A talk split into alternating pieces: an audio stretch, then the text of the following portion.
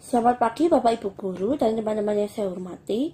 Di podcast kami kali ini akan membahas mengenai kegiatan keseharian dan hal yang bisa kita dapat pada masa pandemi. Seperti yang kita ketahui, karena pandemi ini kita harus membatasi kegiatan bertatap muka di depan umum. Sehingga kebanyakan dari kita menghabiskan waktu di dalam rumah. Dan kali ini salah satu dari teman kami Steve akan menceritakan kegiatannya selama masa pandemi. Terima kasih, saya akan mengambil Ari dari sini.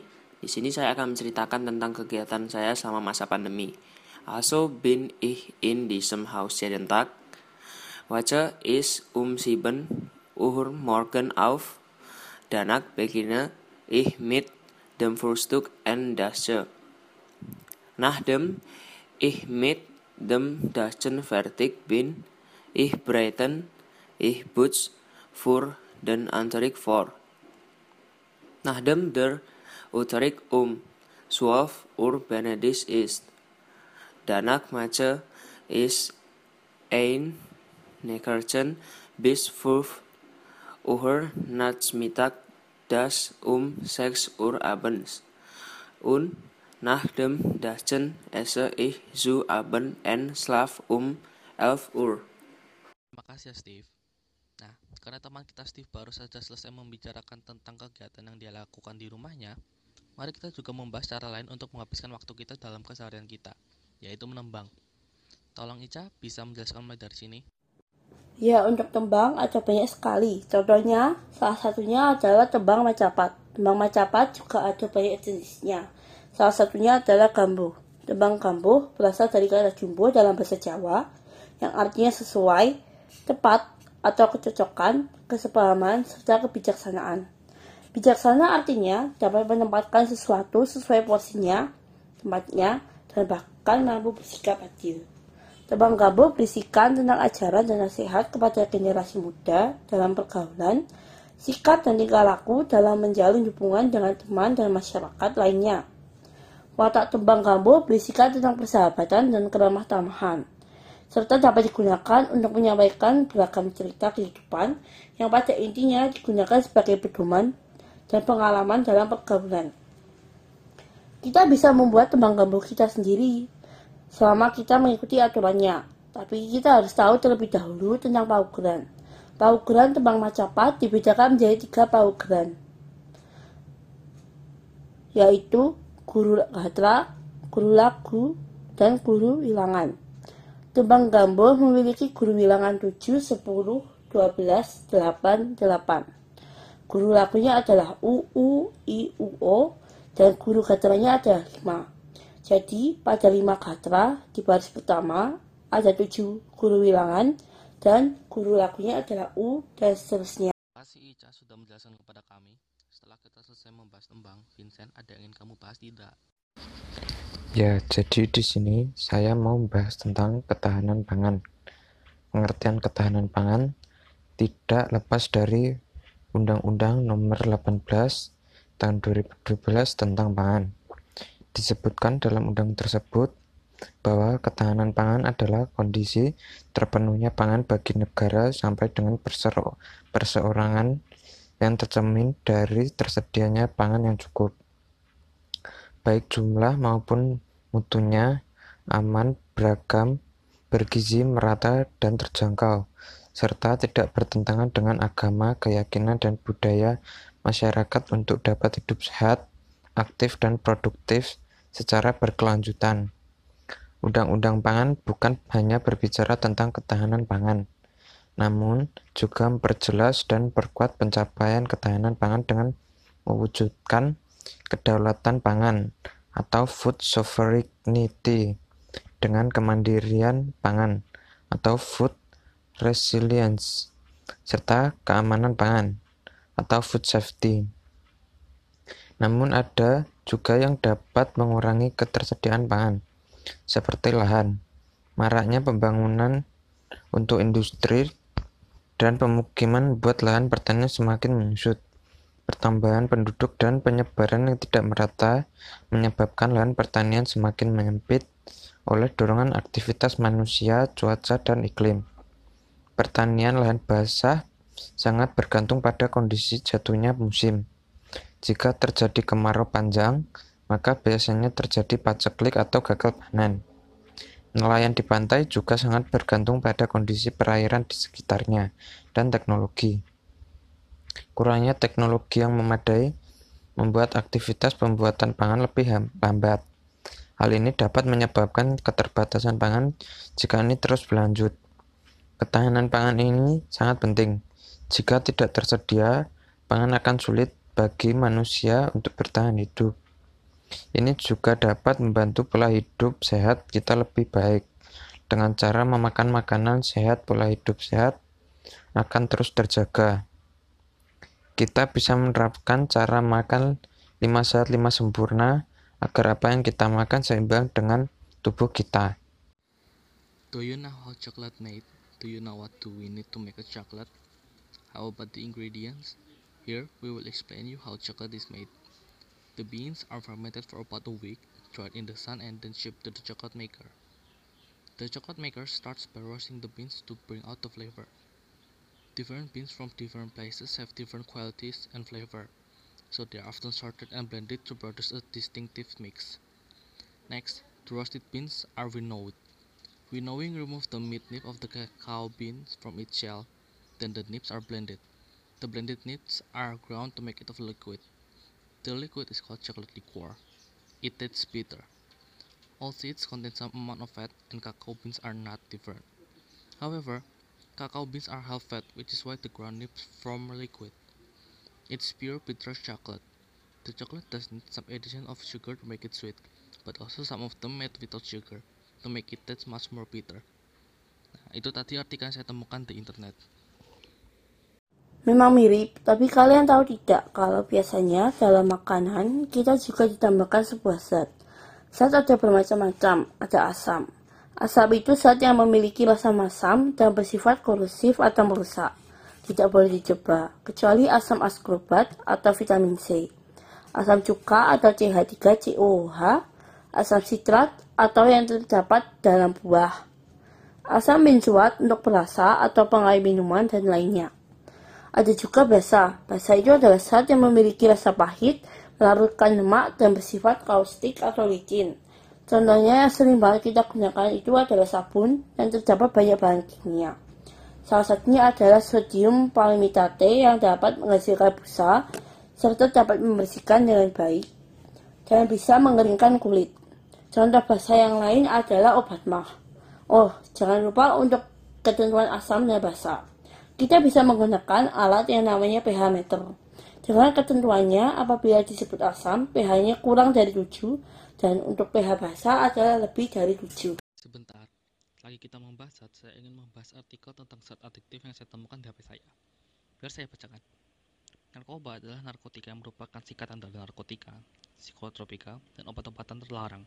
Selain narkoba, istilah lain yang diperkenalkan secara khusus oleh Kementerian Kesehatan Republik Indonesia adalah NAPSA yang merupakan singkatan dari narkotika, psikotropika, dan zat adiktif. UU Narkotika membagi narkoba menjadi tiga jenis, antara lain tipe 1. Jenis narkotika yang secara umum diketahui masyarakat antara lain ganja, sabu, kokain, candu, heroin, dan lain-lain. Tipe kedua, jenis narkotika yang secara umum diketahui masyarakat antara lain morfin, berdidin, dan lain-lain. Tipe ketiga, jenis narkotika yang secara umum diketahui masyarakat adalah kodein, dan lain-lain. Oke, terima kasih ya Steve.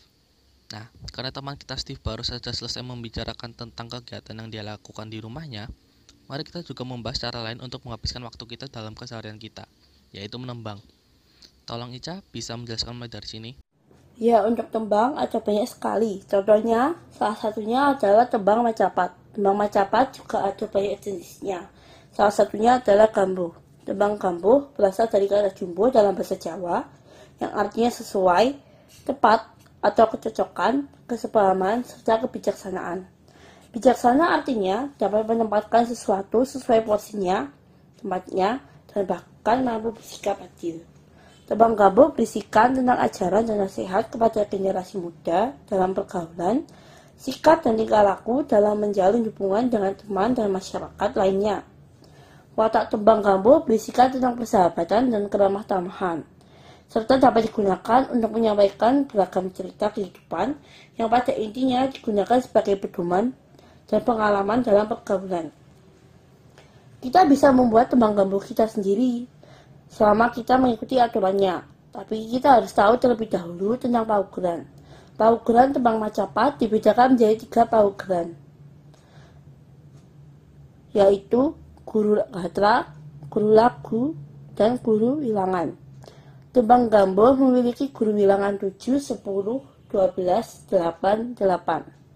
Guru lagunya adalah U, U, I, U, O, dan guru gatranya ada 5. Jadi pada 5 gatra di baris pertama ada 7 guru wilangan dan guru lagunya adalah U dan seterusnya.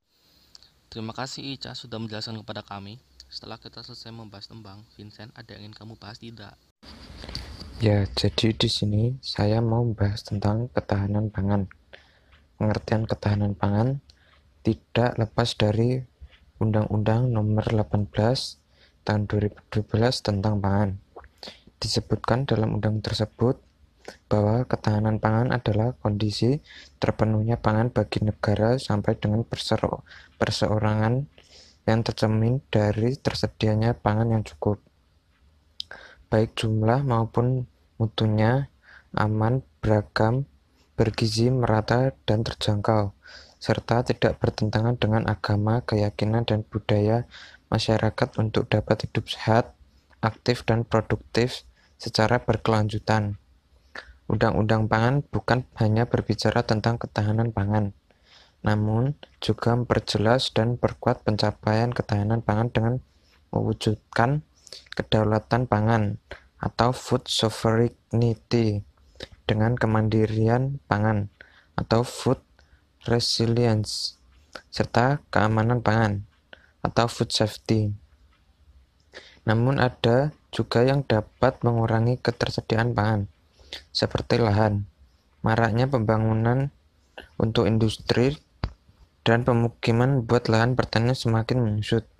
Pertambahan penduduk dan penyebaran yang tidak merata menyebabkan lahan pertanian semakin menyempit oleh dorongan aktivitas manusia, cuaca, dan iklim. Pertanian lahan basah sangat bergantung pada kondisi jatuhnya musim. Jika terjadi kemarau panjang, maka biasanya terjadi paceklik atau gagal panen. Nelayan di pantai juga sangat bergantung pada kondisi perairan di sekitarnya dan teknologi. Kurangnya teknologi yang memadai membuat aktivitas pembuatan pangan lebih lambat.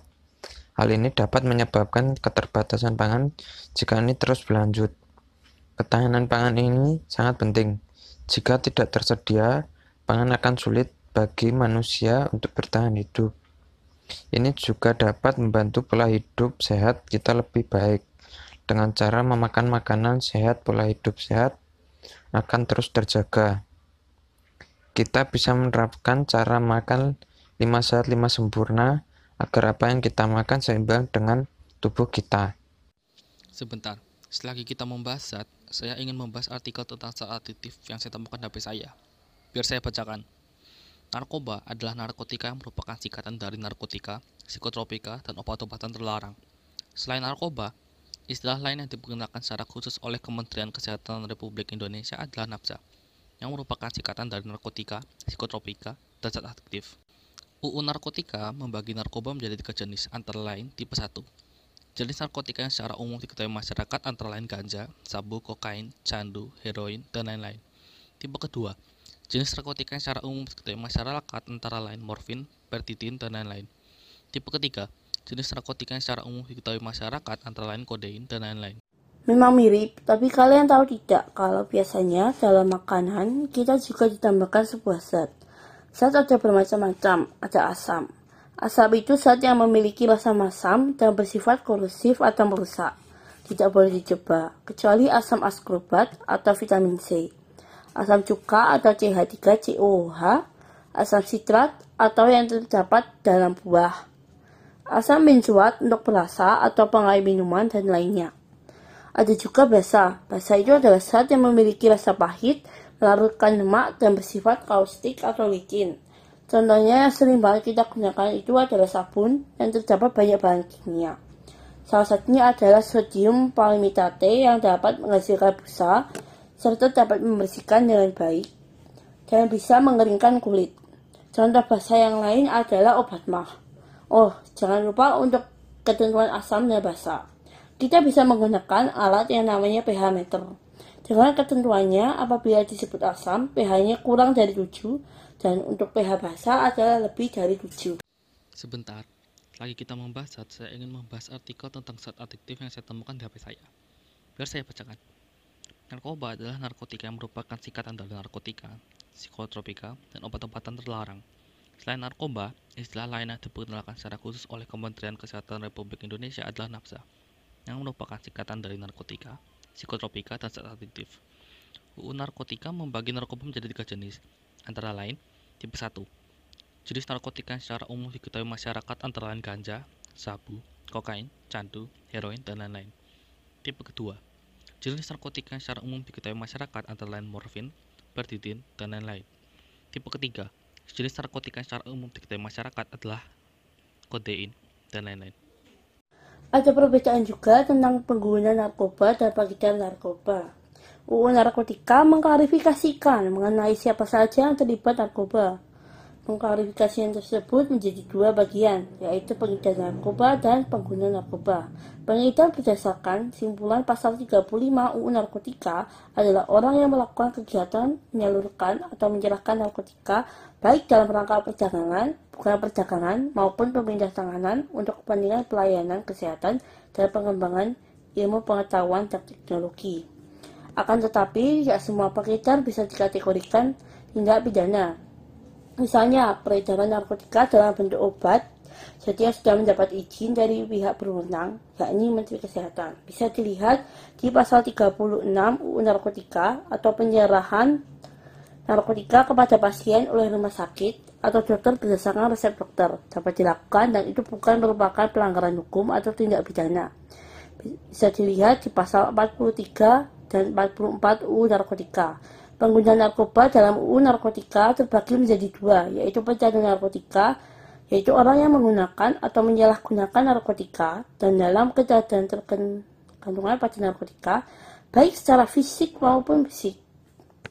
Bisa dilihat di pasal 1 angka 13, jiwa pasal 54, jiwa pasal 127. Dan penyalahguna yaitu orang yang menggunakan narkotika tanpa hak atau melawan hukum. Bisa dilihat di pasal 1 angka 13 UU Narkotika penyalahgunaan narkotika pada pasal 1 angka 15 Jo pasal 54 Jo pasal 127. Kalau pengedar berdasarkan UU Narkotika dikenakan sanksi pidana penjara antara 2 sampai 20 tahun. Bahkan sampai pidana mati atau pidana seumur hidup. Tergantung dari jenis dan banyaknya narkotika yang diedarkan, disalurkan atau diperjualbelikan. Bisa dilihat lebih detail dalam ketentuan pidana dari pasal 111 sampai pasal 126 UU Narkotika. Sedangkan pengguna narkotika mendapatkan rehabilitasi, baik rehabilitasi medis maupun rehabilitasi sosial. Berdasarkan pasal 54 UU Narkotika yaitu pecandu narkotika dan korban penyalahgunaan narkotika wajib menjalani rehabilitasi medis dan rehabilitasi sosial. Ada banyak macam-macam jenis narkoba, salah satunya itu adalah psikotropika. Psikotropika itu adalah suatu zat atau obat alamiah maupun sintetis, bukan narkotika yang berkhasiat proaktif melalui pengaruh selektif pada sinyal syaraf pusat yang menyebabkan perubahan khas pada aktivitas mental dan perilaku. Efek pemakaian psikotropika ini dapat menurunkan aktivitas otak atau merangsang susunan syaraf pusat dan menimbulkan kelainan perilaku, disertai dengan timbulnya halusinasi, ilusi, gangguan cara berpikir, perubahan alam perasaan, dan dapat menyebabkan ketergantungan serta mempunyai efek stimulasi bagi para pemakainya. Pemakaian psikotropika yang berlangsung lama tanpa pengawasan dan pembatasan pejabat kesehatan dapat menimbulkan dampak yang lebih buruk. Tidak saja menyebabkan ketergantungan, bahkan juga menimbulkan berbagai macam penyakit serta kelainan fisik maupun psikis si pemakai. Tidak jarang bahkan menimbulkan kematian. Saat yang termasuk psikotropika adalah sidatin atau pil KB, roitopin, makaton, valium, mandrax, amfetamin, fexilikin, metakulon, metifenedat, fenobarbital, flutazepam, ekstasi, sabu-sabu, dan LSD. kita bisa ikut seminar mengenai narkoba, atau kita juga bisa menyelenggarakannya sendiri. Dengan berkurangnya pemakaian narkoba, kita bisa membantu negara juga. Contohnya, di dunia ini ada banyak negara-negara selain Indonesia. Pasti ada negara lain yang memiliki paham yang berbeda-beda. Ada berbagai macam yang ada di dunia ini. Ada demokrasi, liberalisme, sosialisme, nasionalisme, dan panislamisme. Demokrasi adalah sebuah pandangan di mana hak dan kewajiban harus seimbang bagi semua orang yang ada di negara tersebut. Liberalisme adalah pandangan yang mengedepankan perjuangan untuk kebebasan. Ada juga sosialisme, di mana paham ini menerapkan kalau semua harta benda dan perusahaan atau industri adalah milik negara. Ada juga sosialisme, di mana paham ini menerapkan kalau semua harta benda dan perusahaan atau industri adalah milik negara. Dan panislamisme adalah paham yang bertujuan untuk menyatukan semua umat Islam menjadi satu dari seluruh dunia. Meskipun begitu, semua perbedaan ini juga sebenarnya bentuk kalau mereka melayani negara meskipun kadang paham ini merugikan orang-orang. Nah, tidak pada negara dan rela melakukan segalanya demi kemajuan negara sendiri itu disebut sebagai nasionalisme. Ada banyak cara untuk membuktikan bahwa kita memiliki rasa nasionalisme untuk negara kita. Contohnya adalah dengan tidak menggunakan nafsa atau sejenisnya. Tapi akan lebih baik kalau kita justru ikut berpartisipasi dalam kegiatan seminar mengenai nafsa yang bisa dilaksanakan atau diikuti oleh pemuda-pemudi Indonesia. Di situ kita bisa belajar banyak mengenai zat berbahaya atau adiktif yang tidak boleh dikonsumsi. Dengan kita tidak memakai narkoba, kita sudah termasuk melakukan hidup sehat. Hidup sehat itu suatu pola pikir, pola tindak tentang cara hidup yang sehat, baik menyangkut kesehatan fisik atau badan maupun menyangkut kesehatan rohani. Melakukan kegiatan olah rohani dan jasmani yang teratur, terus-menerus dan seimbang dalam mencapai pemenuhan kebutuhan berdasar mendasar hidup manusia. Kesehatan dimengerti sebagai keadaan sejahtera dari badan, jiwa, dan sosial yang memungkinkan setiap manusia hidup produktif dan kreatif seturut dimensi sosial dan ekonomi. Sasaran dan tujuan pola hidup sehat ialah menghargai dan menghormati tubuh sebagai kenyataan yang sangat pribadi sebagai tanda dan wahana untuk membangun hubungan-hubungan dengan sesama, dengan Allah dan alam semesta demi terwujudnya kesejahteraan bersama. Tapi bukan cuma perbedaan cara berpikir atau ataupun pola hidup saja yang ada di setiap negara. Setiap negara pasti juga punya budaya dan berbeda. Juga malah biasanya dalam suatu daerah juga ada budaya yang lebih dari satu. Konsep nilai-nilai budaya merupakan suatu hal yang dianggap berharga oleh kelompok masyarakat atau suku bangsa tertentu. Nilai-nilai budaya dapat membatasi dan memberikan karakteristik tertentu dalam kehidupan masyarakatnya, serta kebudayaan yang ada dalam masyarakat itu sendiri. Berdasarkan sifatnya, terdapat nilai-nilai kepribadian, kebendaan, biologis, agama, dan keindahan. Berdasarkan cirinya, terdapat nilai daerah yang mendarah daging dan nilai dominan. Berdasarkan tingkat keberadaannya, terdapat nilai yang berdiri sendiri dan tidak berdiri sendiri. Mengenalkan dan mempertahankan budaya itu sangatlah penting supaya manusia bisa mengenal dan menghargai satu dengan yang lainnya. Ada juga dua jenis pewarisan nilai budaya yaitu inkulturasi dengan sosialisasi. Sosialisasi adalah interaksi yang dilakukan secara terus-menerus, sehingga manusia tersebut memperoleh identitas sosial dan enkulturasi. Enkulturasi adalah proses seseorang yang mempelajari dan menyesuaikan alam, pikiran, serta sikap mereka sesuai dengan adat sistem norma dan peraturan hidup dalam kebudayaan. Selagi kita sedang dalam saling bicara, apakah kalian bertanya-tanya nggak sih Kenapa kita bisa mendengar suara dari orang lain datang bukan dari mulut kita? Apa ada yang bisa menjelaskannya? Itu karena kalau kita berbicara, terdapat getaran bunyi yang merambat ke telinga. Nama gelombangnya adalah gelombang longitudinal. Misalnya, seseorang berbicara, pita suaranya menjadikan partikel udara merapat dan merenggang yang merambat ke telepon sebagai pola gelombang longitudinal. Rapatan dan renggangan partikel udara ini akan menggerakkan mikrofon pada telepon yang diteruskan ke telepon penerima melalui jaringan kabel sebagai sinyal bunyi hingga menggerakkan speaker telepon penerima tersebut. Getaran speaker ini juga membentuk partikel udara menjadi pola rapatan dan renggangan gelombang longitudinal yang akan sampai ke selaput kenyang telinga seseorang yang menerima telepon, dan terdengarlah suara seseorang yang menelepon. Karena gelombang longitudinal ini dalam perambatannya harus dengan medium perantara, yaitu partikel udara, maka dapat disimpulkan termasuk jenis gelombang mekanik. Kalau contoh gelombang transversal, itu seperti gelombang air laut. Karena kita membahas laut, aku tiba-tiba jadi teringat botol plastik. Botol plastik kan biasanya dibuang sembarangan di laut, sungai, dan lain-lain. Suka heran, kadang kenapa harus dibuang sembarangan? Kalau bisa dibuat kerajinan yang mungkin bisa menghasilkan uang kan? Dengan kita membuat pot bunga, kita juga bisa mengurangi botol plastik di laut dan udara kita hirup juga sehat. Kita juga bisa membuat pot sendiri dari barang bekas agar lingkungan kita terjaga. Kita bisa membuat pot bekas dari botol plastik agar sampah plastik bisa lebih bermanfaat. Untuk menjaga pola hidup sehat, kita juga harus menjaga lingkungan sekitar kita agar bisa membantu kita menjaga kesehatan juga. Kita bisa menanam pohon di sekitar kita agar udara kita juga sehat. Kita juga bisa membuat pot sendiri dari barang bekas agar lingkungan kita terjaga. Kita bisa membuat pot bekas dari botol plastik agar sampah plastik bisa lebih bermanfaat. Setelah selesai membuat pot, masukkan tanaman yang Anda inginkan. Taruh pot tersebut di lingkungan sekitar Anda. Dengan begitu, lingkungan Anda akan terasa asri dan menyehatkan bagi tubuh Anda. Sekian podcast dari kelompok kami. Bila ada kesalahan kata, mohon dimaafkan. Sekian, terima kasih.